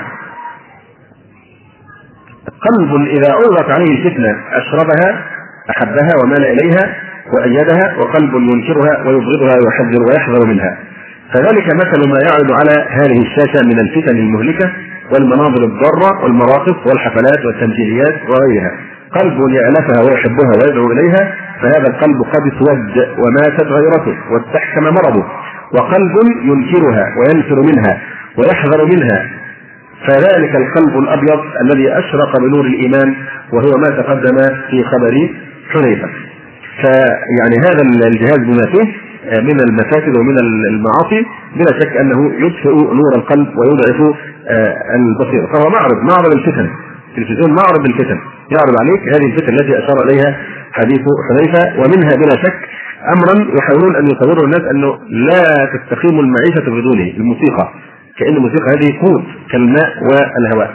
والنبي صلى الله عليه وسلم يقول في حديث البخاري لا يكونن من أمتي أقوام يستحلون الحرى والحرير والخمر والمعادن حديث البخاري لا يكونن من أمتي أقوام يستحلون الحر الزنا والحرير. يستحلون يعني أشياء محرمة. ما هي المحرمات؟ الحرى والحرير والخمر والمعازف. التي الموسيقى. يعني يقولون إنها حلال. ما معنى يستحلون؟ معناها إنها محرمة. وقال صلى الله عليه وسلم إن الله عز وجل بعثني رحمة وهدى للعالمين وأمرني أن أمحق المزامير. وهذا رواه الإمام أحمد. وعنه صلى الله عليه وسلم قال صوتان ملعونان في الدنيا والآخرة. مزمار عند نعمة ورنه عند مصيبة. ولقد ذم الله عز وجل المشركين الذين جعلوا الصفير المكاء والتصدير والتصفيق صلاة لهم عند المسجد الحرام. فقال وما كان صلاتهم عند المسجد الحرام عند البيت إلا مكاء وتصديا هناك أمر مهم جدا سبق أن نبهنا إليه لكن نكرر الكلام فيه وهو أننا لا نتفطن إلى أن الإنسان إذا نظر بعينه إلى شيء فلا بد أن يحصل نوع من التأثير من خلال هذا النظر. يعني فالنظر في الصور يورث في النصوص اخلاقا مناسبة لخلق المنظور إليه. يعني على طول يحصل نوع من الانطباع بنفس هذا الشيء الذي تراه، فالنظر إلى الفاسقين وإلى أعمالهم وإلى وجوههم مما يفسد القلب. يقول سعيد ابن المسيب رحمه الله تعالى: لا تملأوا أعينكم من أعوان الظلمة إلا بإنكار من قلوبكم لكي لا تحبط أعمالكم. ويقول سفيان الثوري رحمه الله تعالى انظر القلوب المنورة بالإيمان والتقوى وخشية الله سبحانه وتعالى. يقول الإمام سفيان الثوري لو خيرت بين ذهاب بصري وبين أن أملأ بصري منهم لاخترت ذهاب بصري. لو خيرت بين ذهاب بصري وبين أن أملأ بصري منهم لاخترت ذهاب بصري يعني من شدة بغضه للظالمين. والظالمون فيما وضع أخف حالا من الظالمين الآن. لأن يعني لأن الصورة التي تأتي في التلفزيون صورة مغرية بالفساد تأتي نساء مثلا جميلات يفتن الناس. كل هذا طبعا مما كان مما يعني يتضاءل جدا أمام الافتتان بالنظر إلى وجوه الظالمين فيما مضى. وأنتم تعلمون أيضا حديث جريج العابد لما نزلت عليه أمه وهو في الصومعة ثلاث مرات فقال يا ربي وصلاتي ثم أقبل على صلاته فغضبت أمه ودعت عليه. قالت اللهم لا يموت جريج حتى ينظر في وجوه الزانيات فأمه رأت يعني مجرد ان عينه تقع على وجوه هؤلاء هي عقوبه من الله سبحانه وتعالى. دعت أمه عليه بها. وهذا بالفعل حصل لما آه، لعلكم تعرفون الحديث طبعا صحيح في مسلم آه، لما ادعت عليه المرأة البغي آه، انه هو يعني الذي اتاها المهم هو بر في النهاية لكن الشاهد ان تحققت دعوة أمه فيه. فالشاهد في هذا الحديث إيه؟ الشاهد ان إنها جعلت مجرد النظر إليهم فقط هذه إيه؟ مصيبة وعقوبة دعت عليه بها وقد وقع آه، بالفعل فلذلك يقول سبحانه لو خيرت بين ذهاب بصري وبين أن أملأ بصري منهم لاخترت ذهاب بصري هذا أمر من الأمور الخفية التي لا تحس بها النظر للكفار والنظر للزعماء والرؤساء والملوك سواء في أبهتهم ومناظرهم وهملجتهم أو سواء هم يطعنون في الدين وينفثون سمومهم كالحيات آه، وما يصاحب ذلك من تضخيم للأصوات وتسخير هذه التقنيات كل هذا يؤثر في قلبك. آه، لكن يتسلل إلى قلبك تسللا خفيا ويطبع مرضا في قلبك وسما في آه، قلبك لو اسقط أي نعم. آه، يعني مما يناسب إيراده أن الامام أن أحمد بن القاسم الصوفي قال كان أحمد بن حنبل الإمام أحمد بن حنبل رحمه الله تعالى. كان إذا نظر إلى نصراني أغمض عينيه. فقيل له في ذلك. والإمام أحمد إمام إمام أهل السنة رحمه الله تعالى. طبعا رجل يقتدى به. فالناس سألوه يعني من لماذا تغمض عينيك؟ كلما رأيت نصرانيا. فقال رحمه الله تعالى لا أقدر أن أنظر لا أقدر أنظر إلى من افترى على الله وكذب عليه. لا أقدر أنظر إلى من افترى على الله وكذب عليه. إنسان يفتري على الله أو يشتم الله لأنه ثاني الثلاثة وانه آه، كذا وكذا من الكذب والشتم لله سبحانه وتعالى ما يستطيع أن من شدة بغضه. وهذا هذا ملاحظ يعني الإنسان لو كان آه، ولله المثل الأعلى يعني يحب شخصا ثم هناك رجل ظلمه وهذا الشخص عزيز عليه جدا آه، فإنه يكره من يكره هذا الشخص. آه، يعني يعني ف إذا رأى يقول ما أريد أن أرى هذا الذي أذى ابني أو هذا الذي فعل كذا في صديقي أو غير ذلك يعني من نوع من الموالاة. فكيف في حق الله سبحانه وتعالى الذي أسبغ علينا النعم ظاهرة وباطنة كيف نملأ أعيننا من اناس كل وظيفتهم قطع الطريق إلى الله وصد الناس عن سبيل الله عز وجل. فإذا لابد أن ننظر لهذه العقوبة ليست مكافأة.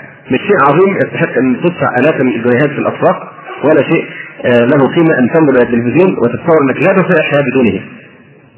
واضح؟ أي نعم. وروي أيضا عن الإمام أحمد رحمه الله تعالى أنه كان إذا رأى يهوديا أو نصرانيا يغمض عينيه ويقول لا تأخذوا عني هذا فإني لم أجده عن أحد ممن تقدم ولكني لا أستطيع أن أرى من كذب على الله. فهو يبرئ الشريعة يعني من يقول ليس لك دليل. آه، في القرآن والسنة على هذا لكن أنا هذا شيء أنا ما أطيقه أن أملأ عيني ممن كذب على الله سبحانه وتعالى. وحكي لي قصة عن رجل من تقريبا الهند أو باكستان رجل مسلم من عوام المسلمين الطيبين. وما كان رأى من قبل كافرا من كفار الخواجات ذوي الشعر الاصفر والعيون الملونة وكذا. فهو رأى هذا الرجل فقيل هذا آه، يعني واحد من النصارى أو من اليهود ما أدري ما أذكر بالضبط. فرجل ظل يتقيأ يتقيأ من شدة الايه؟ التأثر إن عينه وقعت على واحد يشتم الله سبحانه وتعالى. فمن بغضه له وتأثره وانفعاله برؤيته ان عينه وقعت على واحد ممن يسب الله أو من يكفر بالله ظل يتقيأ و يعني آه، رغم أنه كان مهندما وكان في سوره كذا لكن مع ذلك انظر كيف آه، يعني ما في قلبه من الإيمان وحب الله ورسوله عليه الصلاة والسلام وبغض أعداء الله عز وجل انعكس آه، عليه بهذه الصورة. فالشاهد اننا يعني مطالبون بأن نتذكر قول النبي صلى الله عليه واله وسلم احفظ الله يحفظك احفظ الله تجده تجاهك احفظ الله يحفظك احفظ الله يعني لا تجترئ على محارم الله سبحانه وتعالى فالله سبحانه وتعالى يقول وإن تصبروا وتتقوا لا يضركم كيدهم شيئا إن الله بما يعملون محيط. أي نعم. والشيطان يعني يغر الإنسان بأن يقول له يعني هذه صغيرة هذه الذنوب صغيرة المهم الكبائر أنت ما تستعملش كبائر وما يضرك اذا سمعت أو آه، رأيت. والمهلك هو الكبائر أما الصغائر فشيء يعني آه، هين لكنه إذا كان عنده تقوى وفهم عن الله سبحانه وتعالى لقال كما قال الشاعر خل الذنوب صغيرها وكبيرها ذاك التقى. واصنع كماش فوق أرض الشوك يحذر ما يرى لا تحقرن صغيرة إن الجبال من الحصى والله عز وجل يقول إن الذين اتقوا إذا مسهم طائف من الشيطان تذكروا فإذا هم مبصرون إذا هم الشيطان أن يزين لك أن تنظر فهذا يعمي يعمي بصيرتك. ثم كلمة إيه؟ إن الذين إذا إن الذين اتقوا إذا مسهم طائف من الشيطان تذكروا فإذا هم مبصرون نور الإيمان يجعلهم يبصرون الأمور على حقيقتها يرى الحق حقا والباطل باطلا. أما المنكوس الذي تعود على أن يعني كالاسفنجه التي تتشرب الهوى والشبهات آه، فإنه لا يمكن لا يعرف معروفا ولا ينكر منكرا إلا ما أشرب آه، من هواه. أي نعم. آه، الحقيقة بقي يعني بعض الكلام متعلق بهذا الموضوع خاصة فيما يتعلق بالأطفال والبحث يعني في هذا تحت عنوان الجيل التلفزيوني المنكوب الجيل المنكوب بالتلفزيون كم يعني كم تعظم الإساءة من الآباء والأمهات إذا تركوا أولادهم ضحية لهذا الجهاز يعني الخبيث الذي يفسد فطرتهم ويتولى هو تربية الأولاد بدلا عنهم. فهذا إن شاء الله ما سبق ونرجو أن آه، نجتهد الإصبع بإذن الله تبارك وتعالى. لكن نتعرض هنا لشبهة آه، يقولها بعض الناس من أن ما يعرض على التلفزيون مجرد صورة. هذه صورة. صورة مش حقيقة يعني المناظر التي يراها الإنسان هذه خيال صورة لا تأثير لها. وهذا بلا شك قول ساقط ولو هو صادق طيب لما هي صورة ولا تأثير لها ولا أهمية إذا استمع إلى الرجل ولا تنظر إلى التلفزيون. والرجل ما فيه برضه بلايا. الرجل فيه موسيقى وفيه أفكار مسمومة وفيه لكن طبعا بلا شك يعني ليس من رأى كمن ليس من سمع ورأى كمن سمع فقط. وقد قالوا من قبل حسبك من شر سماعه. فكيف برؤية هذا الشر؟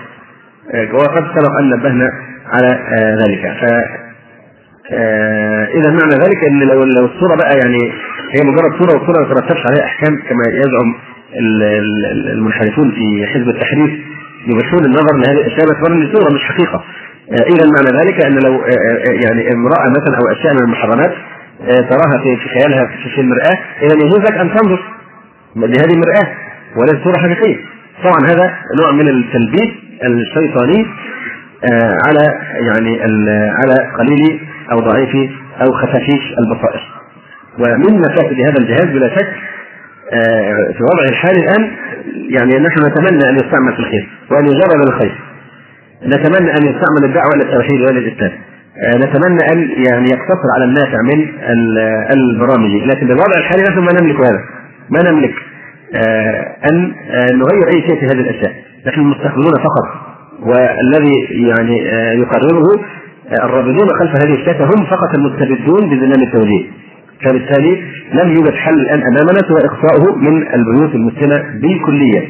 طاعة لله عز وجل الذي يأمرنا جميعا بقوله عز وجل كل المؤمنين يغضوا من أبصارهم. يغضوا دي آه جواب إيه؟ جواب أمر.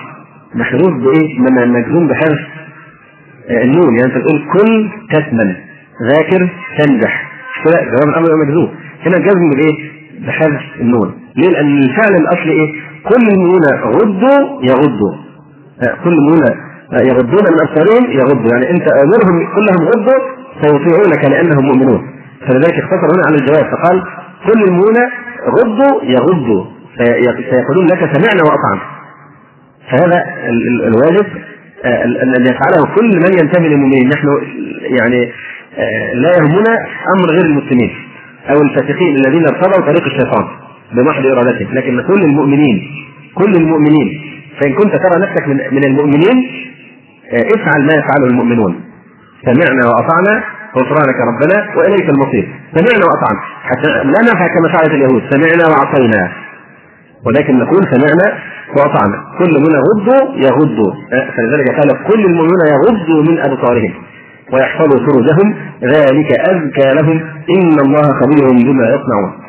وطاعة لرسول الله صلى الله عليه وسلم الذي يقول في نظر الفجأة في نظرة الفجأة التي ينظر الإنسان دون قصد ماذا قال النبي عليه الصلاة والسلام في نظرة الفجأة؟ قال له اصرف بصرك. طيب هل يا جماعة نظر التلفزيون بنظرة فجأة؟ بالله عليك هذه نظرة فجأة. اما تنظر للممثلات وللفساد الذي فيه.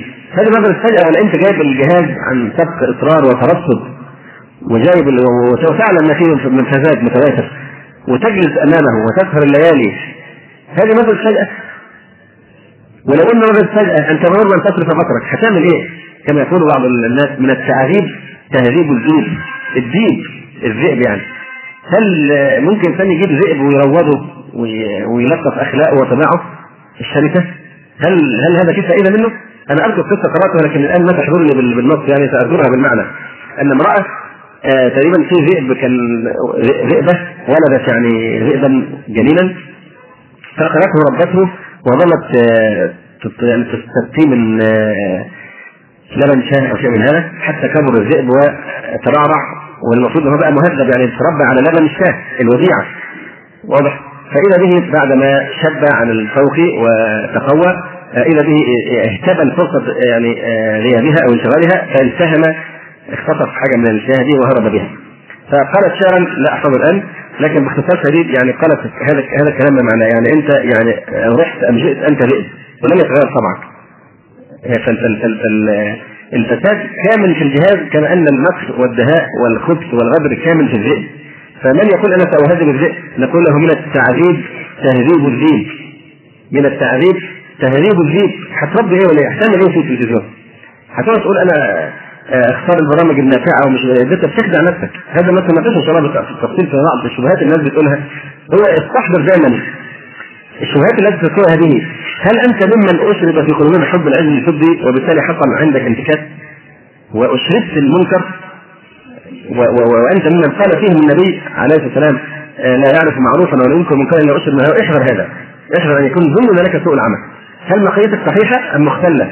محتاج أن تراجع نفسك من جديد تراجع مفاهيمك تعطي الأشياء حجمها الصحيح. بنور من الله ونور من سنة رسول الله صلى الله عليه وسلم. هذا هو الشخص هو المعيار الذي نزل به الأمور ونزل به الأشياء. أما نحن نردد كما يردد أغلب الناس وما أكثر الناس ولا حرصت بالمؤمنين أغلب الناس الآن في انصراف عن الدين. في لهو وانشغال بالدنيا. فالعاقل الكيف لا يغتر بكثرة الهالكين ولا يستوحش بقلة السالكين. واضح؟ فاللي بيقول أنا أنا هجيب البرامج قال يعني أسمع هذا الحقيقة وأنا أضحك كأني أسمع نكتة في الحقيقة. لما أسمع واحد يقول لي أنا بجيبه عشان الشيخ الشعراوي.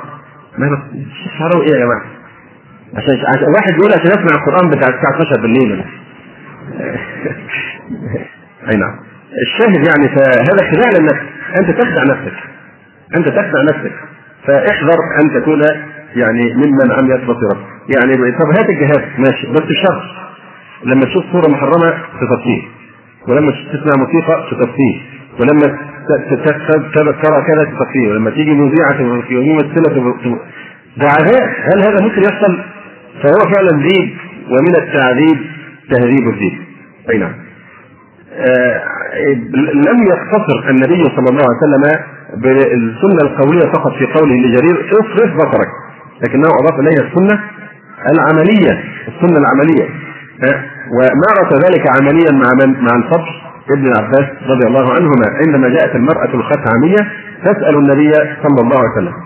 والفضل رضي الله عنها ينظر إليها. والرسول صلى الله عليه وسلم يصرف وجهه نحو الشق الآخر. بإيديه. يعني تخيل نفسك لو أن الرسول عليه الصلاة والسلام دخل عليك الحجرة وأنت جالس. أكيد حي إيه؟ هيصرف بصرك الوجه الآخر أو يتصلك الجهاز نفس الشيء اللي عمله مع مع العباس رضي الله تعالى عنه. أي نعم. الحقيقة أنا كنت قرأت في مجلة تصدر في بريطانيا اسمها الصراط المستقيم. الإخوة السلفيون أفاضل أن يطبعونها أرجو أن يأتي فرصة أتذكر وأتيكم بقصيدة لفتاة إنجليزية مسلمة ما شاء الله يعني هي يعني اجتهدت فعامله عبارة عن بتقول للمسلم يعني افترض للمسلم الإنجليزي افترض إن الرسول صلى الله عليه وسلم واحد جاء قال لك بسرعة إن الرسول صلى الله عليه وسلم جاي في السكة زي يزور في البيت فالحقيقة كانت مشاهده في غاية القوة بتقول لما الرسول صلى الله عليه وسلم هيجي لك طبعا هل هتبقى فرحان بالزياره دي؟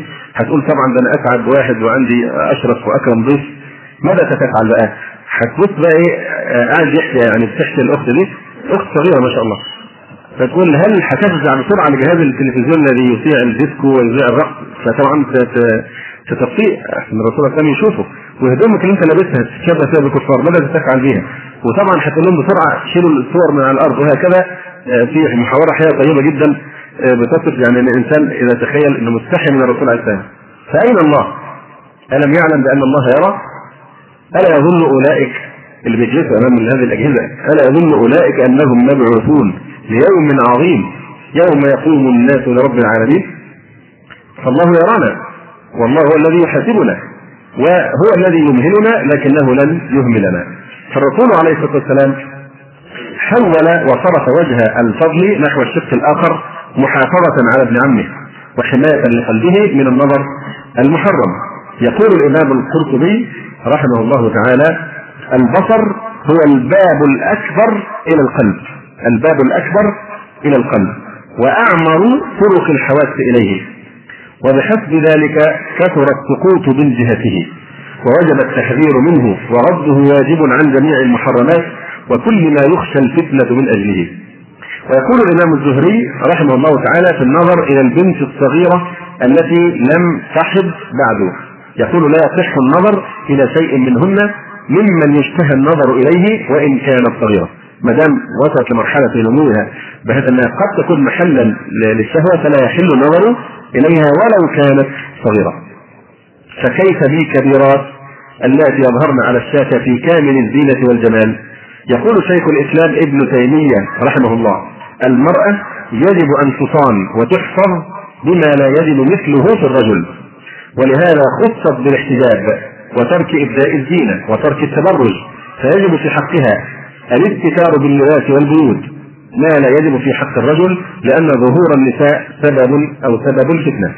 ويقول تلميذه ابن القيم رحمه الله تعالى وهو يتكلم على خطر الزنا يقول ولما كان مبدأ ذلك بداية الفتنة هي إيه؟ من قبل البصر جعل الأمر بغضه مقدما على الأمر بحفظ الفروج.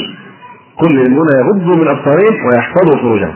لأن عدا إذا لم يغض البصر يقع فيه الفواحش فيما بعد. فإن الحوادث مبدأها من البصر كما أن معظم النار من مستصغر الشرف وينقل عن بعض السلف أن المرأة كلها عورة حتى ظهرها ولعل هذا القول هو الأحوط في حدود حجاب المرأة وذلك لكثرة الفتن في زماننا. بناء على هذه الأدلة وغيرها في هذا الباب يتضح بجلاء حرمة النظر النظر إلى عورات النساء على الطبيعة أو على شاشة التلفزيون. فلا يجوز للأب المثول أمام هذه الشاشة أو تمكين أولاده من ذلك أثناء عرض برامج تظهر فيها عورات النساء. عورات النساء الشعر عورة والوجه عورة واليد عورة. سبحان الله. صار هذا كلاما غريبا. كلام غريب لما تقول وجه المرأة عورة. نغض البصر حتى العلماء يعني في اتفاق بين العلماء حتى العلماء الذين يبيحون كشف الوجه والكفين يقولون إنه يجب غض البصر. يعني يعني هذا باتفاق إن المفروض الانسان يجب عليه أن يغض البصر عن وجوه النساء. حتى لو كانت يعني يعني وحتى عند من يرى أن النقاب ليس بواجب. أي نعم.